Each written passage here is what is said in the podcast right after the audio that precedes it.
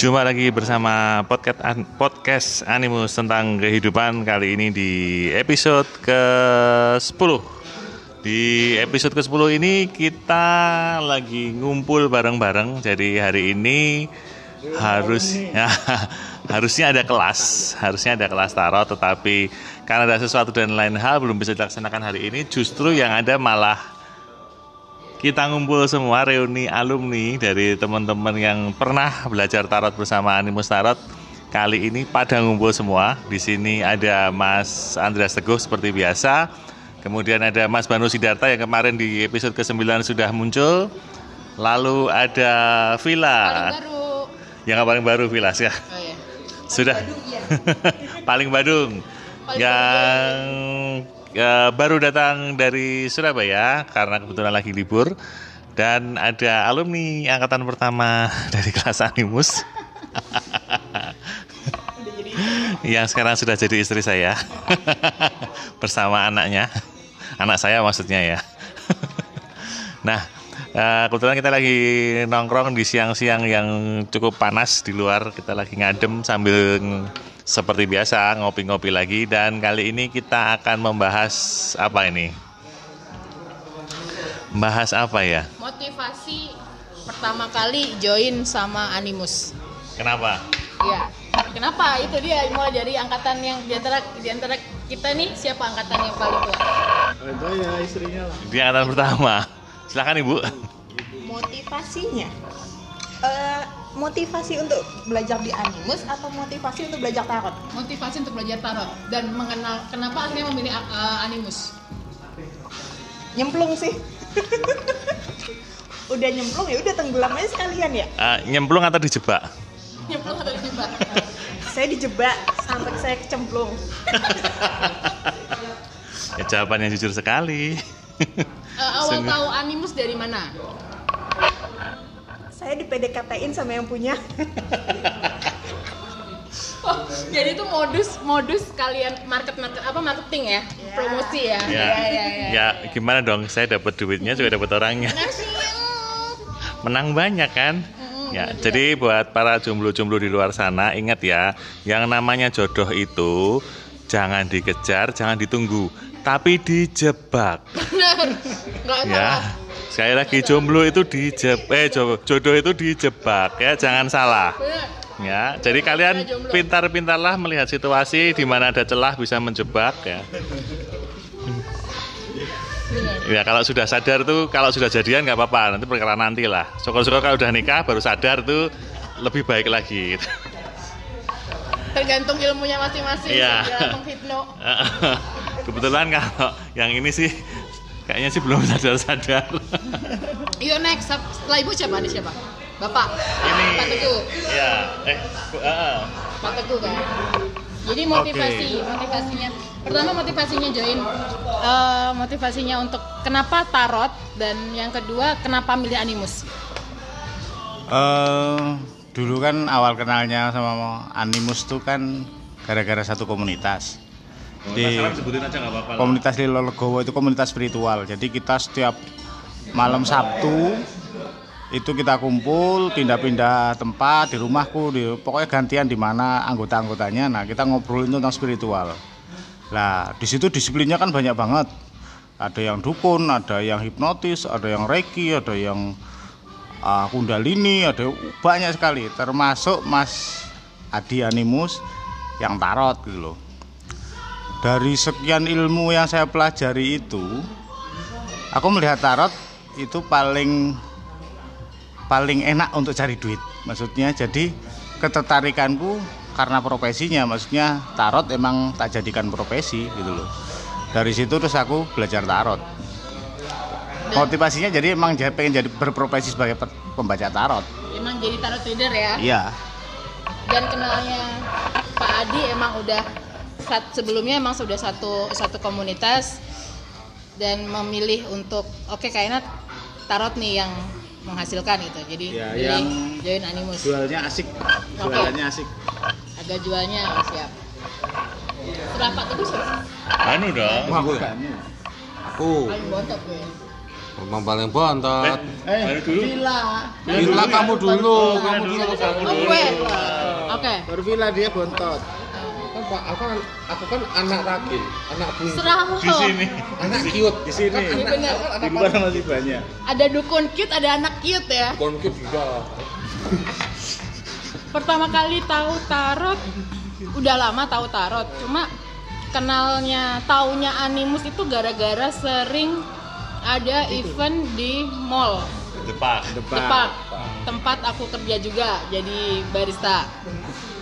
Terus kenapa memilih tarot? Karena aku pikir kalau orang sometimes gue ngerasa kayak gini, gue ngeliat Bandung tuh kayak ada film gitu loh. Jadi kalau misalnya gue gue ngomong, eh, nu ntar eh, lu bakal gini gini gini atau lo sebelumnya ada kejadian kayak gini nggak sih bla bla bla. Kan dikira gue orang gila cuy.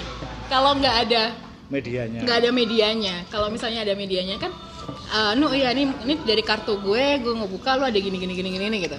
Itu lebih real lebih nyata. Ta- daripada nggak ada medianya terus gue bilang nu ntar kamu gini gini gini. Atau sebelumnya lo pernah ngerasain ini? Kira nih gue orang gila gitu. Jadi kenapa gue milih tarot? Itu ya sebagai media. Supaya nggak disangka gila gitu. supaya nggak disangka gila itu tadi. Emang gila ya. padahal emang gila kadang-kadang gesrek kotaknya kenapa milih animus? Ya itu karena keseringan ada event tanya-tanya minta kartu nama WhatsApp dan akhirnya join lah sama animus kenal sama semua saudara-saudara animus gitu Begitu, jadi beberapa testimoni, oh sih testimoni. Siapa? Oh iya, oh iya belum, anak Ragil belum. Ragil Cute belum. Ah, yang paling bungsu belum. Paling bungsu di ruangan ini ya, di ruangan ini. Bang Busur ruangan ini oke. Motivasinya dulu kenapa kok mau kok belajar tarot dan kenapa di animus gitu ya. Semuanya mengatur saja seperti air. Jadi ceritanya dulu pertama kali Mas Adi, Mas Teguh itu kan suka eh, eh sorry sebelumnya saya kan orang pengolah kopi. Jadi saya punya workshop untuk roastery kopi. Nah, Mas Adi dan Mas Teguh pada waktu itu apa Sering ngopi. sering ngopi di tempat saya dan se- sering buka kartu dan saya penasaran ini apa toh ini apa toh nah dari situ kok mulai penasaran gitu ya sudah terus ada kelas saya ikut oh itu Bandung nggak joinnya nggak privat ya apa Jadinya privat. privat Jadinya privat ya privat Walaupun Heeh. kelas, tapi yang itu cuma dia doang. Nah, oh Terus Jadinya kenapa privat. kok tarot? Ini jadi lebih spesifik lagi. Eh, saya ini orang yang susah mengambil keputusan. Jadi kayaknya kalau dengan tarot nih dalam mengambil opsi yang mau saya ambil tuh apa? Membantu. Nah, gitu loh. Lebih ke situ sih. keputusan ya pak Nah, membantu ngambil keputusan dengan media kartu karena kadang ngambil keputusan mesti untuk yang penting-penting ya untuk urusan hidup tuh agak ini jadi wah kayaknya asik nih tarot sama juga lihat uh, apa penghasilannya kok wah oke nih ya udah itu kenapa kok apa di animus ya waktu itu yang datang Mas Adi nggak ada Iya. yang lain ya udah basicnya di animus Tapi ketemu yang lain juga belum tentu belajar loh. nah, Maksudnya kan tidak serta merta kita bertemu orang itu kita akan belajar sesuatu dari Benar. seseorang. Benar. Bisa saja kita ketemu siapa pun tapi kita nggak belajar apa apa gitu. loh. Jadi bagiku ya ya emang sudah saatnya bertemu dan belajar gitu kan. Ya sudah itu Karena grupnya dulu udah mengenal petarot lain kan. Iya. Eh, petarot selain animus sebenarnya sebelum animus juga kita udah kenal banyak tapi yang namanya kita mau belajar sesuatu atau apa ya tetap aja jodoh-jodohan kalau sudah klik sudah nyaman ya, ya pada waktu itu gitu. Tapi maksudku walaupun animus itu menghampiri tetapi kan belum tentu itu serta merta kita akan belajar. Oh iya. Sebelumnya ada beberapa teman tarot itu Karena- juga. Cuman ya. Karena apa ya itu tadi, entah itu bahasanya chemistry, entah itu berjodoh, entah itu nyaman, entah itu klik, entah itu apa, tetap ada ada sesuatu yang beda nih di Iya. sini gitu loh kan. kan ada yang berteman puluhan tahun akhirnya pacaran juga ada mas Oh iya ya. ibarat kata bertemu dengan animus bisa tiga Ah. tahun tahun ketiga baru belajar lagi eh, belajar tarot sama animus juga bisa kan Mm-mm. Kata tarot termasuk animus nggak sih pak? kita satu Se- sebentar, gini gini gini gini. Jadi jadi di, diluruskan dulu, diluruskan dulu. Jadi animus itu apa sih sebenarnya? Jadi kalau teman-teman yang dengerin bertanya-tanya juga, jadi animus itu sebenarnya adalah brand atau merek. Nah, ani brand animus sendiri itu dibangun dua orang, saya sama istri. Waktu itu masih calon istri. Nah, terus eh, dari brand ini kita salah satu servisnya, salah satu jasa yang kita tawarkan adalah kelas tarot atau eh, belajar tarot. Selain tarot reading. Selain tarot reading. Jadi salah satu servis yang kita tawarkan adalah belajar tarot. Jadi kalau kita ngomong itu bagian dari animus atau bukan, eh, sebenarnya kalau kita ngomong brand animus ya cuma dua orang, saya sama istri. Cuma kadang-kadang kita bekerja sama banyak sekali dengan reader-reader dengan eh, di bawah bendera atau di bawah brand Animus. Jadi contoh kayak event di mall yang sering di Villa eh, lihat waktu di Depak Mall. Nah itu itu kerjasama bentuk kerjasamanya adalah antara Animus dengan Depak. Nah, secara kalau eh, saya sendiri yang handle stand berhari-hari dengan jangka waktu yang panjang tentu saja tidak memungkinkan. Otomatis saya bekerja sama dengan talent-talent tarot leader yang lain gitu. Oh sih paham. Jadi jadinya tim animus gitu. saat itu di hire apa bekerja sama dengan Animus sebagai tim dari manajemennya Animus gitu loh. Oke. Tapi itu kan anu ya temporer, jadi tidak tidak tetap, tidak, Tidak mengikat. ya. Nah, jadi ya saat event aja Mereka bergabung animus. di Animus, tapi kan tetap ini brandnya punya sendiri-sendiri kan, talentnya sendiri-sendiri. paham. Ya, talent sendiri sendiri. Dan kalian kan alumni dari kelas yang Animus tadi. bikin. Nah, gitu.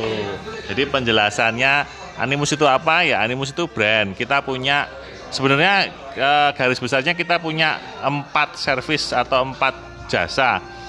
Ya, barang dan jasa sebenarnya sih. Yang pertama adalah konsultasi tarot, yang kedua adalah belajar tarot, yaitu mengajarkan tarot. Yang ketiga itu kita eh, jualan merchandise tarot.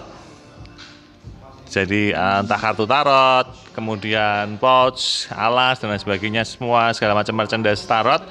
Yang keempat adalah kita kerjasama event yang salah satunya ya bisa kerjasama dengan mall, dengan hotel dan lain sebagainya.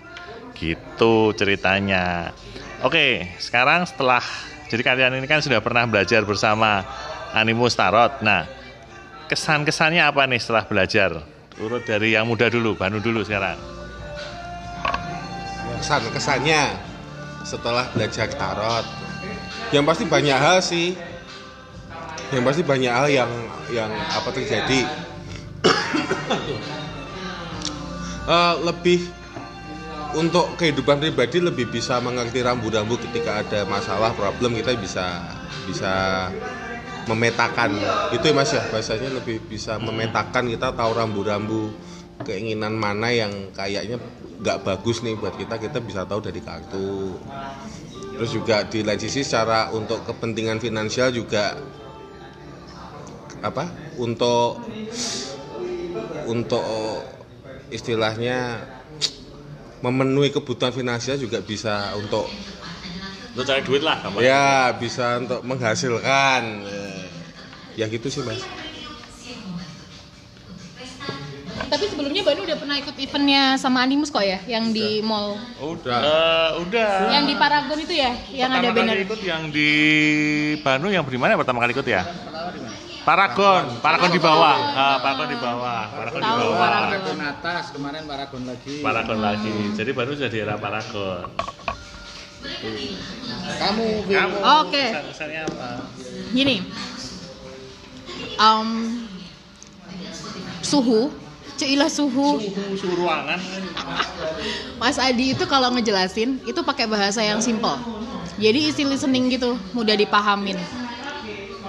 Gue pertamanya nggak ngerti nih apa itu eh, tarot semacamnya dan eh, mereka pakai lambang yang macam-macam, artiannya juga nggak paham juga kalau dibaca sendiri ya dari bukunya. Tapi eh, ketika Mas Adi ngejelasin itu simple, gamblang dan gampang di ngerti gitu. Makanya eh, join join di Animus dengan ada apa pembimbingnya dia lebih lebih ngeh aja ya karena itu gampang dan cepat masuknya di kepala sih. Makanya enak aja. Jujur kalau semuanya kan ke, ke- yang di sini untuk cari apa eh, duit gitu ya. Gue jujur buat gue tarot itu cuma sekedar ya itu tadi hobi. Hanya hobi kalau ada yang datang datang ke gue cuma eh, mbak minta dibacain atau eh, Villa bantuin gue dong untuk lihat macam-macam segala macam ya sok mangga gitu. Tapi nggak nggak yang secara secara apa sih namanya? Promosi. Ah secara nggak gue nggak ada nggak ada promosi promosi atau segala macam nggak ada. Tapi kalau lo yang datang ke gue secara pribadi dengan minta eh Phil gue minta tolong nih gitu. Biasanya cuma orang-orang terdekat aja sih. Gitu. Berarti karena kamu belum eh, menjadikan tarot sebagai profesimu kan? Karena karena itu kan? Belum aja, belum. mungkin mungkin mungkin belum sih. Cuma sekedar ya hobi dan Ah. cuma ya tahu. Jujur di Surabaya itu juga ada pak namanya event Sunday Sunday Market di mana event itu di tempat gue kerja ya di mall tempat gue kerja itu ah, kadang ada tarot readernya juga. Terus gue cuma cuma ngeliatin itu doang cuma ngeliatin oh iya oh oh iya gitu. Cuma nggak nggak yang minta eh tolong bacain gue atau segala macem Ya nggak apa-apa loh. Coba.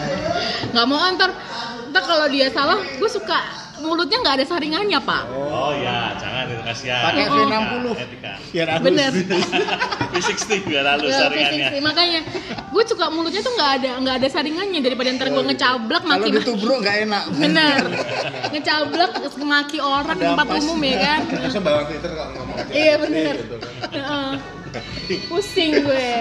Nggak lah anak orang gue maki di depan umum gitu kan. Ampun. Nggak bapak teguh Oke, kalau kesanku karena dari awal aku tujuannya sebagai pekerjaan tercapai bahkan lebih ekspektasiku. Jadi secara pekerjaan, secara penghasilan oke banget. Tetapi yang yang aku dapatkan dibanding puluhan alumninya Animus, aku yang paling diuntungkan punya. Diuntungkannya di mana? Teman-teman lain yang menjadi murid Mas Adi, Animus, itu tidak punya waktu banyak dengan Mas Adi. Sementara aku paling lama paling dua hari nggak ketemu dia. Jadi tiap hari hampir bareng. paling banyak waktunya Oh iya, oh iya. udah istri bu Tuh, jadi apa ya? Suplai nutrisi. Jadi kita sering ngobrol. Nah itu bisa bisa tak dapat. Yang mungkin sesama murid yang lain nggak ah kecuali kecuali Mbak Dina ya yang lain nggak dapatkan saya akan dapatkan terus karena saya sering ketemu bahkan kerja sama bareng mikir sesuatu bareng itu saya diuntungkan dengan itu jadi jadi diuntungkan makin eh, apa promosinya itu makin ngehits ya pak Buk- anu lebih ke anu apa ya ilmu ilmu. Ilmu. Jadi gini loh. Kita ini kan pembaca tarot misalnya ya. kalau hanya membaca terus tapi kita nggak mm, apa ya mengambil suplai suplai nutrisi atau pengetahuan atau tambahan ilmu itu bisa capek. Itu bisa bisa blank. Ya ada masa-masa di mana kita sampai pada titik blank. Sampai pada titik datar sekali. Jenuh. Nah ini bisa terjawab bisa ter apa ya tereliminir dengan nutrisi. Nah, aku berkali-kali ya sekitar dua kali aku sama Mas Adi saya pernah ngomong Mas aku butuh flashing aku butuh suplai nutrisi nih. Yuk, dianu lagi kita bahas lagi tentang tarot ke dasar aku kan. akhirnya kalau ketemu ngomongin itu lagi biar apa? Biar nggak kehilangan apanya Soulnya. ya soulnya itu loh. Iya. Karena kalau sudah jadi pekerjaan ini bisa jadi biasa banget nah itu kan ya nggak asik toh sesuatu kalau sudah jadi rutinitas jadi biasa Kayak kan kamu bikin kopi Phil. Nggak asik kan Bosen gitu loh. kan minum kopi terus. iya iya nah sometimes itu gue loh, gimana gitu. kita tetap asik dengan ini itu kan harus dijaga kan gitu ya itu tadi dengan suplai nutrisi dengan ngobrol dengan membuat sesuatu bareng berpikir bareng itu jadi untuk eh, apa sih Ini namanya alumni tertua belum tahu kesan kesannya. Oh iya, benar-benar. alumni tertua. gimana bu rasanya terjebak bu Jadi gini, sebenarnya kalau dibilang alumni Al- Animus, waktu aku belajar pertama belum kali Animus belum Animus. Belum animus. saya malah satu salah satu foundernya ya. Ah. jadi jadi sebenarnya kalau alumni belum, bukan malahan. Salah bukan Heeh. Karena eh, animus itu ada ketika saya eh, mulai merencanakan kan berdua. Tapi awalnya saya belajar tarot, iya benar bersama Mas Adi itu di bawah kelas temperance ya. Ah, Heeh. ah, temperance temperance tarot dulu namanya. Tapi bagi saya tarot itu adalah healing. Jadi awal pertama kali kenapa akhirnya saya belajar tarot itu karena saya buntu pekerjaan mandek, kuliah mandek, eh, masalah percintaan mandek, semua kerasa mandek. Jadi duit ngalir, eh, duit ngalir, tapi kerasa semua menjadi masalah. Mau pacaran sama cowok tapi nggak ada kemajuan, mau menikah nggak ada restu, mau kuliah rasanya udah aras-arasen, malah S2 saya tuh telatnya hampir lima tahunan. Terus juga kerjaan mau keluar juga nggak bisa, tapi mau lanjut juga nggak bisa. Akhirnya ternyata semua masalah itu kembali lagi ke diri kita. Dari tarot itu saya belajar itu. Jadi bener-bener yang saya memperbaiki dari dalam dulu. Dari tarot saya pelajari diri saya. Ibarat kata kan tarot itu kayak cermin. Saya ini kenapa sih? Saya ini apa sih? Jadi saya daripada eh, kemarin tuh tidak berpikir masalah tarot untuk dapat duit, tarot untuk ini dan itu enggak. Jadi tarot itu membantu saya untuk mengenali diri saya dan permasalahan saya. Apa yang harus saya lakukan, langkahnya bagaimana dan segala macamnya. Alhamdulillah semua selesai. Karena memang awalnya adalah kita benahin dari dalam dulu. Jadi bagi saya tarot adalah healing dan itu benar-benar ampuh. Akhirnya jadi duit sih. Jadi gini, jadi gini, men- menyambung tentang tarot sebagai metode healing atau penyembuhan. Ini jangan disalahartikan bahwa dengan dengan kartu tarot terus terus tiba-tiba menjadi menjadi kesembuhan yang yang ajaib atau yang wow gitu. Tetapi ini proses, proses ini tadi seperti dikatakan yaitu adalah dari tarot awalnya kita mengenali dulu, mengidentifikasi satu-satu dulu. Masalahnya apa sih? masalah yang dihadapi apa? Kenapa ini bisa ruwet A B C D? E harus dilihat satu-satu ketemu satu-satu disadari satu-satu. Setelah itu baru dicari alternatifnya satu-satu. Dicari alternatif eh, maksudnya alternatif solusinya bagaimana jalannya harus bagaimana dan eh, apa ya istilahnya eh, rute yang dilewati prosesnya itu urutannya dari mana dulu prioritasnya itu yang yang yang disadari memang di perkembangannya kita juga mengembangkan tarot sebagai alat untuk healing. Saya sendiri pernah membuat yang namanya program Quantum Tarot Meditation.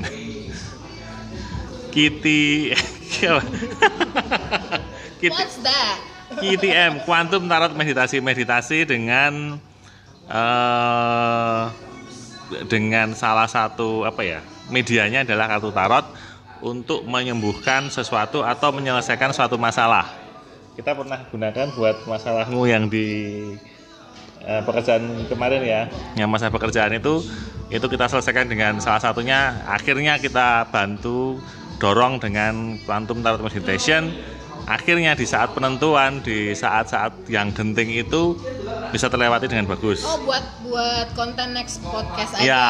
Quantum Tarot Meditation itu apa? Nah, next podcast. quantum tarot meditation ini sebenarnya udah tarot yang levelnya advance sebenarnya Ya. sudah terlalu tinggi ini Ini cuma pengenalan dulu aja Bapak nanti Nah, apa itu nanti dulu, Quantum nanti dulu. Tarot Meditation Yang kedua, sebenarnya ada satu lagi eh, tarot yang untuk healing penyembuhan itu yang sebenarnya dibikin oleh Mas Teguh sebenarnya.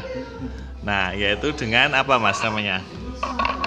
tarot orgonit jadi karena belajar dan kita berada di komunitas spiritual dan aku sendiri adalah organ maker dulunya jadi aku menga, apa ya me- mengawinkan dua disiplin yaitu disiplin healing dengan orgonite dan dengan tarot. Jadi tarot yang tak cor pada orgonit. Jadi ketika klien megang orgonit otomatis dia akan mendapat paparan vibrasi positif dari orgon.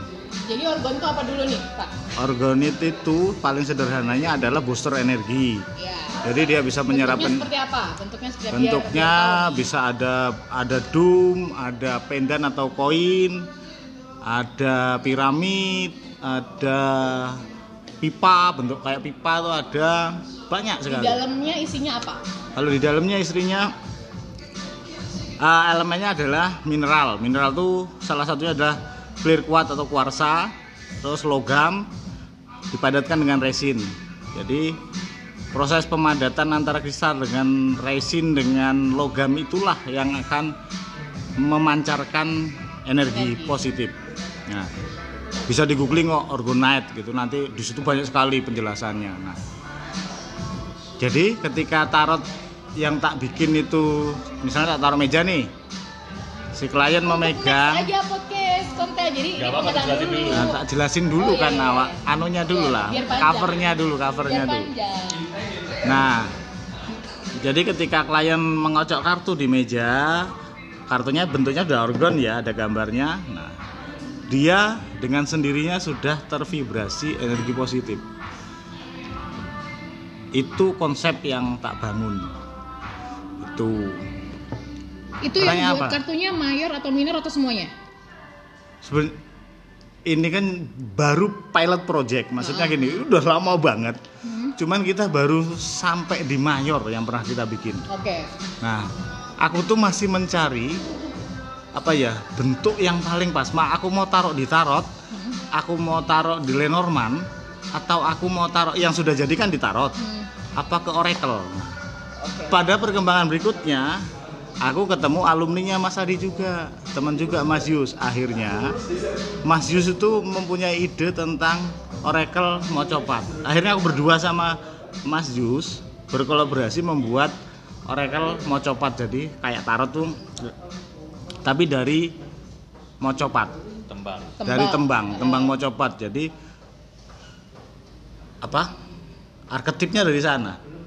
Jadi jalan cerita dan semua dari sana. Itu Bakal udah jadi. ya ini nanti ada ada quantum tarot apa meditation. Iya. Terus ada apa nih Pak Teguh? Oracle Mocopat. Ada oracle mau cepat. Ogan, ogan, oracle Ogan Mocopat. Eh, ogan Mocopat. Orga- yang Pak Teguh tadi apa?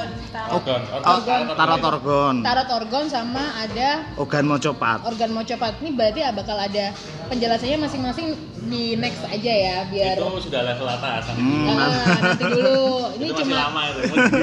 Lama cuma apa pembukaan aja, Hmm. cuma prolognya aja. Jadi sebenarnya sudah banyak banyak banget yang metode-metode yang dihasilkan oleh para muridnya. guru-guru besar ini, alumni Animus. Jadi eh, metode-metode yang digunakan untuk sebenarnya sih ke keuntungan juga bagi bagi klien. Selain ada yang dibaca, kalau mau butuh ibaratnya suntikan nutrisi gitu bisa menghubungi dari Animus entah itu dari Pak Adi, dari Banu atau dari Om Teguh. Kalau gue jangan dulu. Gue mah masih cupu. Kalau nanya kopi gue jawab dah. Jadi memang perkembangan tarot sebenarnya eh, kalau kita ngomong hal baru banyak sekali hal baru pengembangan dari tarot. Di teman-teman alumni Animus sendiri pun sudah banyak pengembangannya dari mulai ogan mocopat, ada tarot orgonit. Nggak tahu nanti Banu mau bikin tarot kopi atau gimana? Mas Adi, anu loh, punya ide tentang wuku loh. Ya. Belum kegarap aja, tapi itu dia idenya dia itu tentang wuku. ide itu idenya banyak idenya banyak eksekusinya belum ada buku tarot aja dari tahun berapa belum selesai selesai ya ya itulah ya karena waktunya sungguh sangat terbatas karena terlalu banyak menikmati hidup jadi Terlalu asik. terlalu asik menikmati hidup jadi untuk mengerjakan proyek-proyek yang di kepala ini masih masih belum terwujud jadi kalau di saya sendiri ide yang pengen saya bikin sebenarnya itu satu buku itu udah dari dulu banget pengen bikin buku tarot sendiri yang lebih lebih gampang lah dimengerti metodisnya lebih lebih mudah dipelajari. Yang kedua adalah ta, mengawinkan tarot dengan wuku. Atau apa kalau bukan tarot oracle lah istilahnya dengan wuku. Cuma itu juga masih masih cari jalan juga. Yang ketiga sebenarnya ada di revisi bukan eh, bukan membuat revisi tapi membuat tarot wayang yang yang versi baru.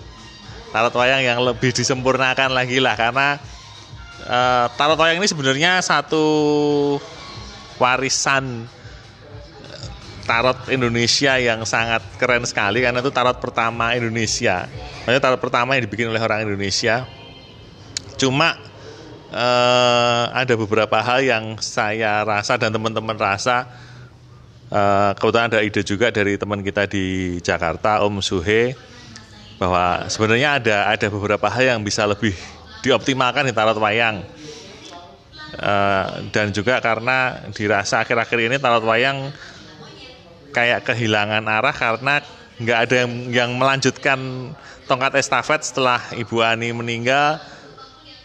Belum ada yang melanjutkan atau memberikan apa ya istilahnya pengertian gimana sih menggunakan tarot wayang sebenarnya sesuai yang diinginkan oleh penciptanya Bu Ani itu seperti apa sampai sekarang belum ada gitu jadi daripada bingung meraba-raba dan salah mendingan pengen coba mengembangkan metode baru dengan tarot wayang yang lebih lebih baru lah yang lebih versi barunya itu cuma Berarti next projectnya untuk Animus sebenarnya banyak banget ya. Banyak. Panjang, panjang ide-ide kreatif tuh panjang banyak gitunya numpuk pak. Saking numpuknya ba- bingung mana dulu yang mau digarap nih. Iya, mana dulu karena masih banyak menikmati hidup itu ngurusin si kecil juga.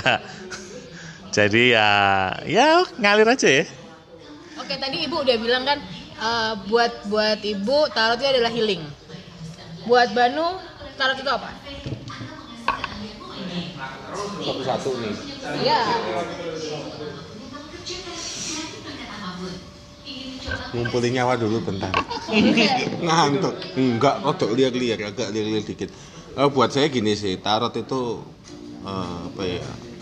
Lebih dari satu sa- apa? Lebih dari satu poin tak apa tuh? Silakan explain. Bebas ya, iya gitu. Saat tarot itu apa? Tarot itu satu. Hmm, tarot itu sebagai sign, jadi buat buat hidup itu kalau buat saya pribadi tarot itu buat untuk saya pribadi loh ya itu buat sign. Sign itu maksudnya tanda gitu loh. Rambu-rambu kita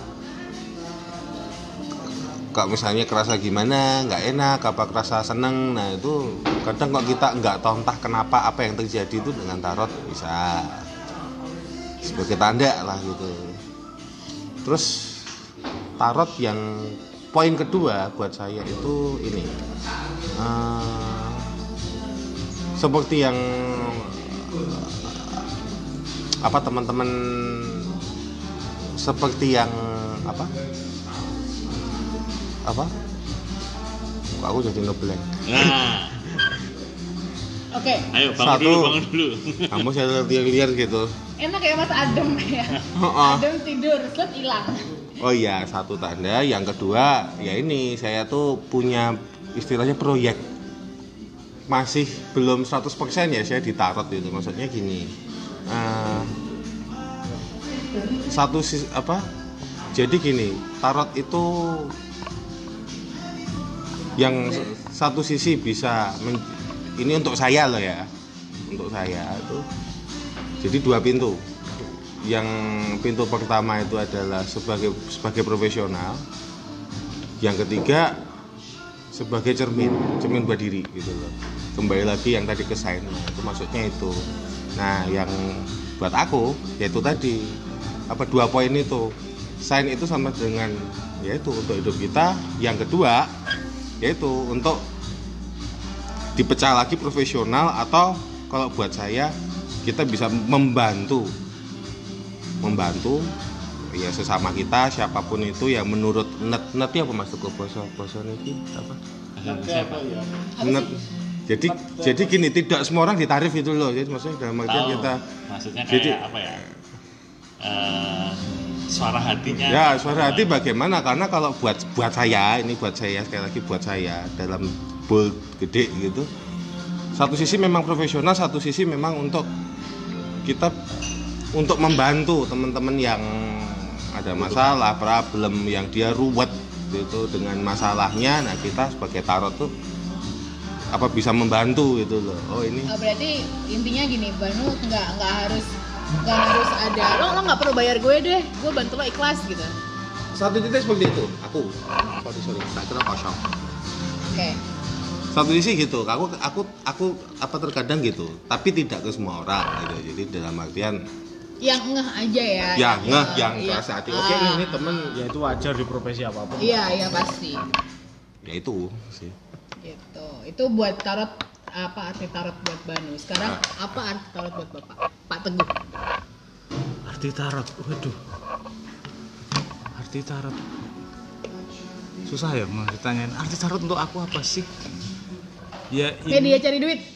salah satunya media cari duit terus eh, media konseling bisa. Terus media mencari alternatif solusi bisa. Terus media untuk tadi kayak bercermin misalnya menanyakan tentang diri kita sendiri bisa. Saya aku sering kita ke mana nih? Hmm. Nah, gitu. aku sering memakai tarot untuk diriku sendiri dan itu dari proses pembelajaran tarot diri sendiri itu kan dan itu lebih lebih susah. Maksudnya lebih susah itu apa karena kita tahu makna kartu kita punya ego nah nanti ego kita gimana membaca kartu? Nanti yang ego kita akan runtuh tuh kalau nanti sudah terjadi kebenaran pada kartu.